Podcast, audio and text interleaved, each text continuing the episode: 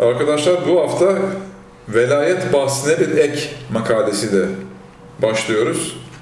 Araştırmacı yazar Bahattin Sağlam hocamızla beraberiz. Hocam hoş geldiniz. Makalenin asıl konusu cennetin ve kabir sorgusunun evrenselliğidir. Evet. Bu velayet bahsine bir ek olarak yazılmış değil mi evet. makale? Başlıyorum. Evrensel düşüncelerinden ve insani hizmetlerinden dolayı kendisine çok saygı duyduğum bir dostumdan 18 Mart 2012 Pazar günü dinin evrenselliğini anlatan ve ondan dolayı tehdit aldığım bir yazım münasebetiyle bana bir mail geldi.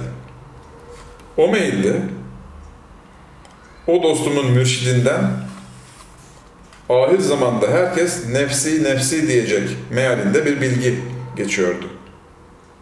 İşte bu önemli keşif ve mahşerin şiddetinde herkesin nefsi nefsi dediği bir zamanda Muhammed ümmeti ümmeti diyecek mealindeki hadisi şerif ve yukarıda anlatılan yazımın evrensellik içeren konusu beni şu üç notu yazmaya mecbur etti.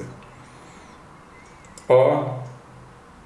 Nefsi nefsi aman kendimi kurtarayım da başkasından bana ne demektir. Bunun başka bir ismi bencillik ve dun himmetliktir. Dun himmetlik Aşağı himmet, aşağı ilgi, aşağılık ilgi. hmm, düşük seviye. Düşük seviyede ilgi. Başka bir deyim ile bunu söyleyen kişinin doğal olarak sosyal bir varlık olan insan tarifinden yani insanlıktan dışarı çıkmasıdır. Halk tabiriyle düşüş ve düşkünlük demektir. Adam sadece kendini düşünüyor yani değil mi? Çevresindekileri düşünmüyor. Bu gibi trajik ifadeler her zaman ortaya çıkmaz. Ancak çok zor şartlarda vücut bulur. Zorluk ve zor şartlar ise hayatın mayası olan imtihan ve gelişmenin esprisi ve sebebidir. Demek nefsi nefsi diyen kişi bu gelişme ve olgunlaşma yolculuğundan vazgeçip geri gitmeye çalışıyor. İşte tam manasıyla gericilik budur. Osmanlı İmparatorluğu bundan dolayı battı. Çünkü o dönemin ahlak ve sosyal eleştiri yazılarının çoğu gösteriyor ki Osmanlı'nın son dönemlerinde en çok kullanılan bir kelime neme lazım deyimidir. Bunun da manası bana ne demektir. Eski Arapçada nefsi nefsi şeklinde ifade edilmiş. Öyle mi denilmiş Osmanlı'nın son döneminde? Evet, neme lazımcılık en büyük hastalıktır. Yani bana bir şey olmasın da Kim batarsa batsın, devlet batıyorsa batsın, bana bir şey olmasın. Allah. Neme lazımcılık çok kötü bir tabir ve çok yaygın bir tabirmiş. Bu Osmanlı'nın ilk dönemlerinde yokmuş galiba değil mi? Yok, şey? o zaman toplum havası vardı. Birlik var. Değil mi? Canlılık var, şey var. O son, son dönemde bu, son son 50 senelik veya son 100 yıllık Osmanlı tarihinin Hmm. en çok kullanılan tabirlerinden biridir. Nem, bana ne? O neme, lazım. lazım. Peki o neme lazım tetikleyen ne olmuş olabilir hocam o dönemlerde? Bu e, materyalist öğretiler mi? Yoksa aşırı rahatlık mı? Yani çok Tahminime göre bilim, batı bilimi girdi, din yorumlanamadı. Realite kayboldu. Gerçeklik, hakikat kayboldu. Ha. Hakikat kaybolunca hayat herkes kendini kurtarmaya bakıyor o zaman. ha, bilim batı gibi İman iş gitti. yapamadı. İman gitti. Öyle mi? Evet. Bunun da manası bana ne demektir? Eski Arapçada nefsi nefsi şeklinde ifade edilmiş. Üç notun A'sını okuduk. B. İnsanlara bu sözü dedirten, onları bencillik bataklığına sürükleyen ahir zaman ve mahşer arasındaki ortak nokta nedir? Gibi bir soru insanın hatırına gelir. Bunun da tek cevabı var. İkisi de çok zorluklar taşıyan süreçlerdir. Evet asıl insanlık, gerçek iman, yüksek ahlak ancak zorlukların içinde bolca bulunduğu imtihan ortamlarında gerçekleşir ve görünür. Kolay şartlarda herkes kahraman, lider ve şeyh olabilir. Fakat bunun fazlaca bir değeri yoktur. Asıl liderlik, asıl fedakarlık ve şeyhlik, ahir zaman ve mahşer gibi zor zamanlarda ümmeti ümmeti diyebilmektir. İşte bu iki zor ortam arasındaki ortak noktayla beraber yaklaşık 10 yıl önce Kur'an'dan şöyle evrensel bir manayı fark etmiştim. Kıyamet ve mahşerde olan biten her şeyin bir benzeri kıyamet öncesi dönem olan ahir zamanda da gerçekleşiyor. Bir, mesela kıyamet günü her hamile çocuğunu düşürecektir. 22. sure 2. ayet. Bu ayet ne kadar da bizim bugünümüzü andırıyor. Çocuk düşürme, çocuk aldırma, Sürekli oluyor değil mi? yaygın. Evet. İki, onlar içki içmedikleri halde sarhoş olacaklar. Yine 22. sure 2. ayetin devamı galiba. Bakın bugün hayat şartlarının zorluğundan ve aşırı iletişimden dolayı şizofren tarzındaki sosyal sarhoşluk bu hükmün bariz bir örneğidir. Başka bir tabirle insanı bütünleştiren inziva ve zikrin olmadığı dönemin özelliğidir bu. Bir sarhoşluk mi? Evet, yaygın bilinç zaafı var. 3. Kıyamette onların giysileri katrandan olacak. 14. sure 50. ayet. Çok ilginçtir ki bütün çağlar içinde naylon, tekstil ve plastik ürünler sadece bu ahir zamanda vardır. Ayette geçen katran petrolün ham hali demektir. 4. O gün evlat babadan, baba evlattan, eşler birbirinden kaçacaklardır. 80. sure 34. ayet. Evet, üç İşte Osmanlı ailesini... döneminin öneme lazımcılığı ahir zamana girişinden dolayıdır. Hmm. Hızlı bir değişim toplumsal çözülmeyi getiriyor. Onu da göze alamıyor o Orada nefsi nefsi nefsi diye Evet. sıkıntıyı göze alamıyor, başkasını düşünemiyor. Zor durum. Zor duruma düşmüş Osmanlı. Hmm. Bir Sonra sürü, bir sürü savaş, bir sürü dert, bir sürü sürgün. Bu sefer toplum olarak değil de bireyler herkes sıkıntı kendini düşünmeye için başlamış. Hocam 3 not demiştik değil mi? Evet. A'yı okuduk, B'yi okuduk, C'ye geçiyorum. Bu kardeşiniz 20 yıldır dini bilgiler zamanlar üstüdür. Tarihi ve bireysel olaylar değildir diye birçok yazı yazdı. Ben başta bu bilgimin sadece peygamber kıssaları hakkında geçerli olduğunu sanıyordum. Fakat daha sonra anladım ki kıyamette, mahşerde, cennet ve cehennem de bu şekilde evrensel yapılardır. Belli bir zaman ve zemine has kavramlar değildir. Bediüzzaman'ın deyimiyle dini bilgiler birer kanunun külli meşrutturlar. Yani her zaman ve her yerde o evrensel kavramların gözle görülen numuneleri vardır. Ben burada bütün o makalelerimi indiremem. Sadece iki tanesinin kısa bir özetini koyup meseleyi zeki zihinlere havale ediyorum. Fakat numunelere bakmadan önce iki nokta daha hatırlatalım. İnsanın bu bencillik çamuruna düşüşü, dinin evrenselliğini ve mucizevi manalarının kaybolmasından kaynaklanıyor. Yoksa insan fıtraten mükerremdir. Bile bile hayati bir nimeti, özellikle din gibi değerli ve insanın ebedileşme aşkını karşılayan bir hazineyi tepmez. Bu ve benzeri çukurlardan çıkmanın da tek yolu, Muhammed gibi bütüncül bir bakışa sahip olmak, varlık ve hayattaki bütün zıtları birlik ve tevhid potasında birleştirmektir. İşte iki numune. Cennetin evrenselliği. Çok değerli, zengin ve zenginliğiyle beraber zahit kişilikli bir dostum vardı. Sürekli olarak ben öldükten sonra cenneti garantilemek istiyorum diyordu. Ben de ona dünya ile ahiret arasında hayat ile ölüm arasında, şimdiki ile öteki arasında sen ayrım yapıyorsun. Bu ise bir çeşit sekülerizmdir, bir nevi şirktir. Onun için sen bugün bu dünyada sonsuzluğu, dolayısıyla tevhid ve birliği yakalayıp cenneti kalben ve ruhen yaşayamazsan, öteki dünyada da yakalayıp yaşayamazsın diyordu. Buradaki dipnot, dünyada her nevi yanlışı işleyip, cenneti dilencilere verilen sadakalarla, iskat gibi hile-i şeriyelerle garanti altına alma inancı putperestçe bir yaklaşımdır. diye bir dipnot. İskat nedir biliyor musun? Adam ömrü boyunca namaz kılmamış, Hmm.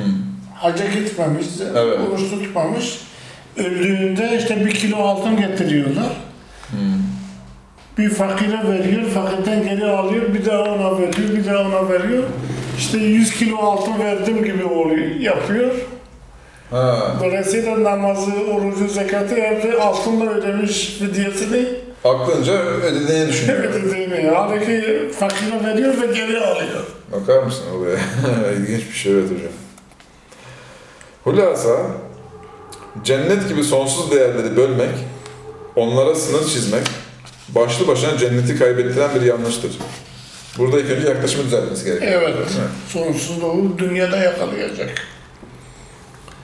Yaklaşık iki ay sonra bu konuda daha önce bildiğim onlarca e, delile ilaveten cennete giriş ile ilgili Kur'an'ın bir mucizesini gördüm. Kısaca ve kelimeler bazında yazacağım. İşte 89. sure olan Fecr suresinin 27 ve 30. ayetleri, 27'den 30'a kadar olan Evet, ayetleri zahiri manaları ile öldükten sonraki ruhun iyi durumu ile ilgiliyken ikinci derecede fakat yine zahir bir şekilde dünya hayatındaki manevi cennete de bakıyor. Girişin şartlarını söylüyor. Şöyle ki, bir, dünyada insanın nefsi zarif, nazik ve eğitilmiş bir hal almalı ki Allah'ın cennetime buyurun hitabına makes ve muhatap olsun. Buna ya eyyetüha, ey o zarif kişi kelimesi bakıyor. İki, insan bedenden ziyade bilinç ve ruh olarak gelişmeli ki saf bilinç olan varlığın ebediliğini hak edebilsin. Saf huzur ve sekine olan ilahi hitabı alabilsin. Buna da en nefs yani ruh, bilinç, kişilik ve ruhanileşmiş beden kelimesi bakıyor. 3. İnsan dünyanın diyalektik yani çatışmalı yapısından bıkıp depresyona girip bir nevi görevden kaçarak cennete giremez. Tam tersi mutmain olup huzur bulacak ve etrafını güzel görecek. Sonra sonsuzluğa uçmak isteyecek bir duruma gelmeli ki sonsuzluktan ve sonsuz olan cennetten faydalanabilsin. Buna da el mutmainne yani huzur ve sükunet bulan zarif kişi kelimesi bakıyor. 4. İrcü'i dön. Yani cennete giriş kaçış şeklinde olamaz. Yani sen buradan çıktın geri dönüyorsun anlamında mı dön diyor yani sen buraya dön. Bir karar ve dönüş niyetiyle olmalı. Yani biz metafizik alemden geldik, bir daha metafiziğe Metafizik aleme dönüyoruz yani değil mi? Dönüyoruz, Evet. Bir kar, e, yani cennete giriş kaçış şeklinde olamaz. Bir karar ve bir dönüş niyetiyle olmalı ki yolculuğun güzelliği ve faydası olabilsin. 5. Rabbine yani senin dönüşün doğal ve bilinçli gelişme üzere olmalı. Bir düşüş, bir kaçış olmamalı. Biliyorsunuz ki dünyada da olsa gelişmenin bir bedeli, bir faturası vardır. Onun için Cenneti isteyen işini şimdiden yapmalı, mutluluğu yaşamalı ve bu şekilde fiili bir durum olarak cenneti garantiye almalı. Yani metafizik alemden buraya geliyor, burada gelişiyor Bir daha dön diyor. ve dönüyor geri. Dönüyor, evet. Gelişirken de burada mutluluğu yaşayarak devam ediyor, ediyorsa eğer o cenneti zaten bu dünyada yaşıyor demektir. Evet. Buradan başlamalı. 6.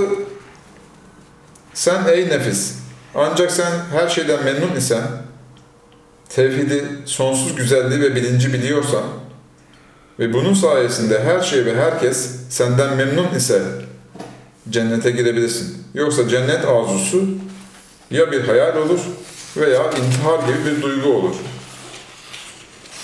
7. Bu kainatın bilinç mescidinde herkes senden memnun ve sen de herkesten memnun olduğun zaman her yere girebilirsin. Fakat bu mescidin en güzel köşesi Allah kullarının topluluğudur. İşte eğer bu topluluğa girebilirsen orası cennetten daha tatlıdır ve daha çok bilinç ifade eder. Bu nükteye de kullarımın içine gir ifadesi bakıyor. Kolektif bilinç elde ediyor. Değil mi? O başlı başına bir cennettir o kolektif bilinç. Ya değil mi? Cemaat bilinci, toplum bilinci. Toplum bilinci. Onun küçük numunelerini zaten arkadaş çevremizden Evet, gözlemleyebiliyoruz değil mi? 8. Eğer o kulların halk- halkasına duhul edebilirsen, orada aşkı, sevgiyi, saf bilinci ve yüce değerleri yaşayabilirsen, artık benim cennetime, yani sonsuz huzur ve bilinç cennetine girebilirsin. Eğer o durumdaysan hemen gir. Belki de girmişsin. Çünkü girip girmemek artık senin için eşit olmuştur. Hocam kabir sorgusunun evrenselliğine Evet, geçiyoruz. bir numune cennetin evrenselliğini gördük. İkinci Evet. numunemiz kabir sorgusunun evrenselliğidir. Tevrat'tan, İncil'den, Kur'an'dan ve diğer ilahi evrensel öğretilerden net olarak anlaşılıyor ki bütün dini bilgiler zamanlar üstü evrensel birer kanun ve hakikatlerdir. Adem'den cennet ve cehennem bahsine kadar bu bilgiler her zaman ve her yerde, her şahıs ve her toplumda yaşanılan gerçeklerdir. Bir insan isterse Adem kıssasının bütün hüküm, hükümlerini kendi şahsi hayatında görebilir. Zaten hepimiz farkına varmadan bu hükümleri daima yaşıyoruz.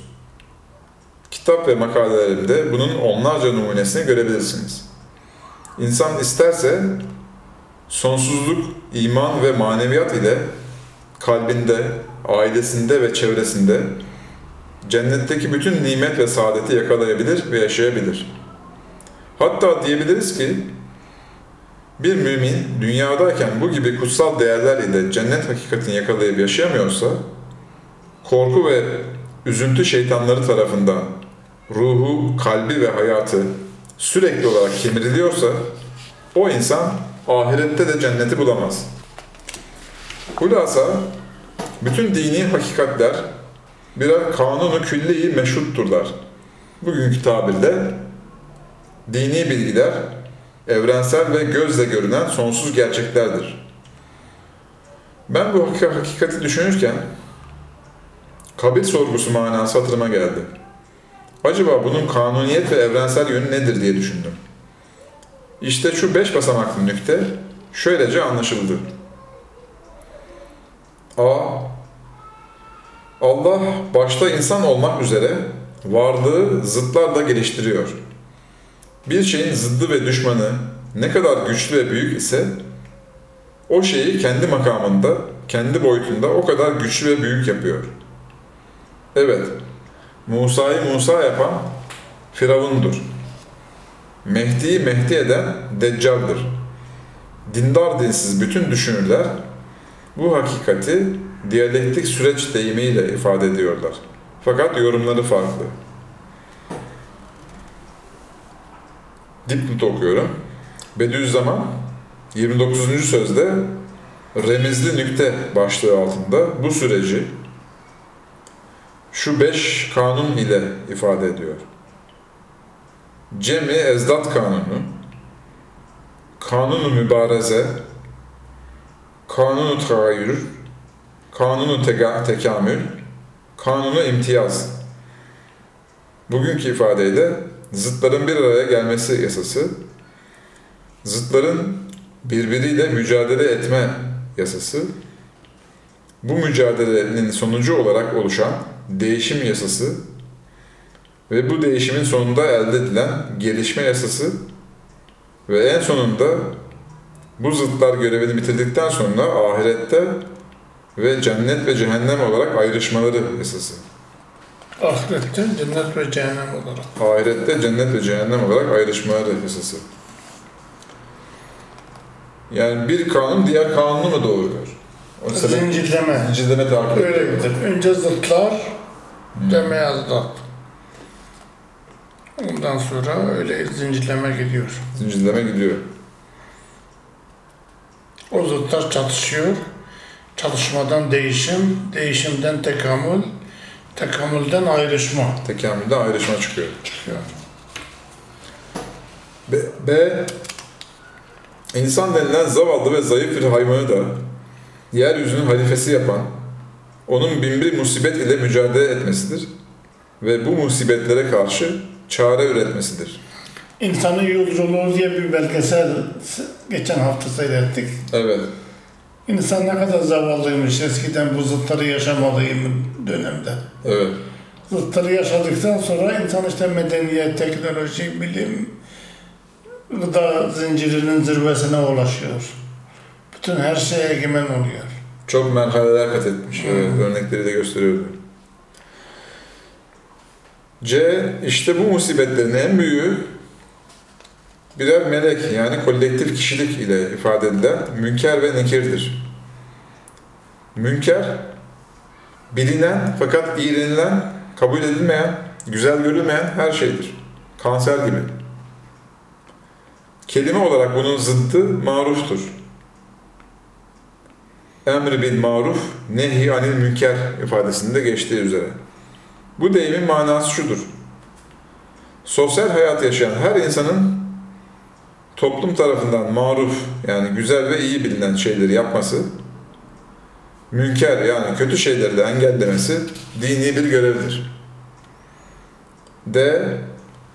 Demek terbiye yani rububiyet ve gelişme gereği her insan her zaman yüzlerce münkerler ve musibetlerle karşılaşıyor. Kolektif bir bilinç ve dosya taşıyan bu musibetler hal ve kal diliyle insana soruyorlar. Senin Rabbin kimdir? Ve sadece kabirde olmuyor yani bu olay. Yok dünyada da Her an, her saniye oluyor değil mi? Tabii o işin son final ruhani boyutu. Her bir musibet başına gelince sana soruyor değil mi? Sorudur. bileyim? Her musibet bir sorudur. Senin Rabbin kimdir? Yani ey insan, iğrendiğin bu musibetlerin sistematiğini ve terbiye konusundaki aktifliğini biliyor musun? Eğer insan bunlar Allah tarafından geliştirmek ve imtihan için gönderilmiş mesaj yüklü birer elçi ve melektir der. Allah onları sonsuz sistemi içinde nimet ve saadete çevirir. Rabbim yani beni terbiye ve imtihan eden sonsuz olan Allah'tır diyebilirse cennete geçer. E bu sınavın birinci bölümüdür. Çok kişi buradan geçer. Fakat sonra nekir gelir. Bu kelime ise daha önce hiç görülmedik, bilinmedik, tanınmadık, korkunç azap demektir. Nekir kelimesi Mülk suresi 18. ayette geçiyor. İşte görülmedik, tanınmadık, eşi benzeri olmayan bu azap meleğine karşı da Rabbim Allah'tır. Yani bunun da ilahi sonsuz imtihan ve rububiyet çerçevesinde bir yeri vardır. Ben Allah'a inanıyorum, onu tanıyor ve onun her şeyini kabul ediyorum diyebilirsen final, final kurtuluş tam gerçekleşmiş olur. Niyazi Mısri bütün bu manaları tek bir beyit ile ne kadar güzel ifade etmiştir. Lütfu kahri şey-i vahid bilmedi, çekti azap. Ol azaptan kurtulan sultan olur, anlar bizi. Evet hocam, şu nekirle ilgili bir soru sorayım sana. Buyur. Bu bilinmedik, görülmedik hani diğeri şimdi münker bilindik bir şeydi, kanser falan. Değil mi dedik örnekler Evet, mümkün geçti. nekir. mesela ona bir örnek ne olabilir? Mesela korkunç azap. Daha önce hiç görülmedik, bilinmedik, tanınmadık. Korkunç azap ne olabilir? Ölümdür. Ölüm musibeti. İnsan için en büyük azap. Yangındır. Cehennemdir. Hmm. Cehennem gibi bir hayattır. Ve sıradan musibetler de Grinch esprili olanlar değil de değil de büyük sorular. yani balyoz gibi böyle. Büyük sorular. O anda ne diyebiliyorsun değil mi? Onu O soruyorum. anda o işte onda bütün hiçbir çare de görünmüyor. Ha, karanlık. Karanlık falan var. Yine Rabbim Allah'tır diyeceksin. O durumda da onu diyebiliyorsan diyor. Diyebiliyorsan kurtuluyorsun. Hocam çok teşekkür ederim. Ben teşekkür ederim. Arkadaşlar bu hafta eee Cennetle kabur sorgusunun evrenselliğini ve ahir zamanı işledik. işledik. İzlediğiniz için teşekkür ederiz. Haftaya görüşmek üzere.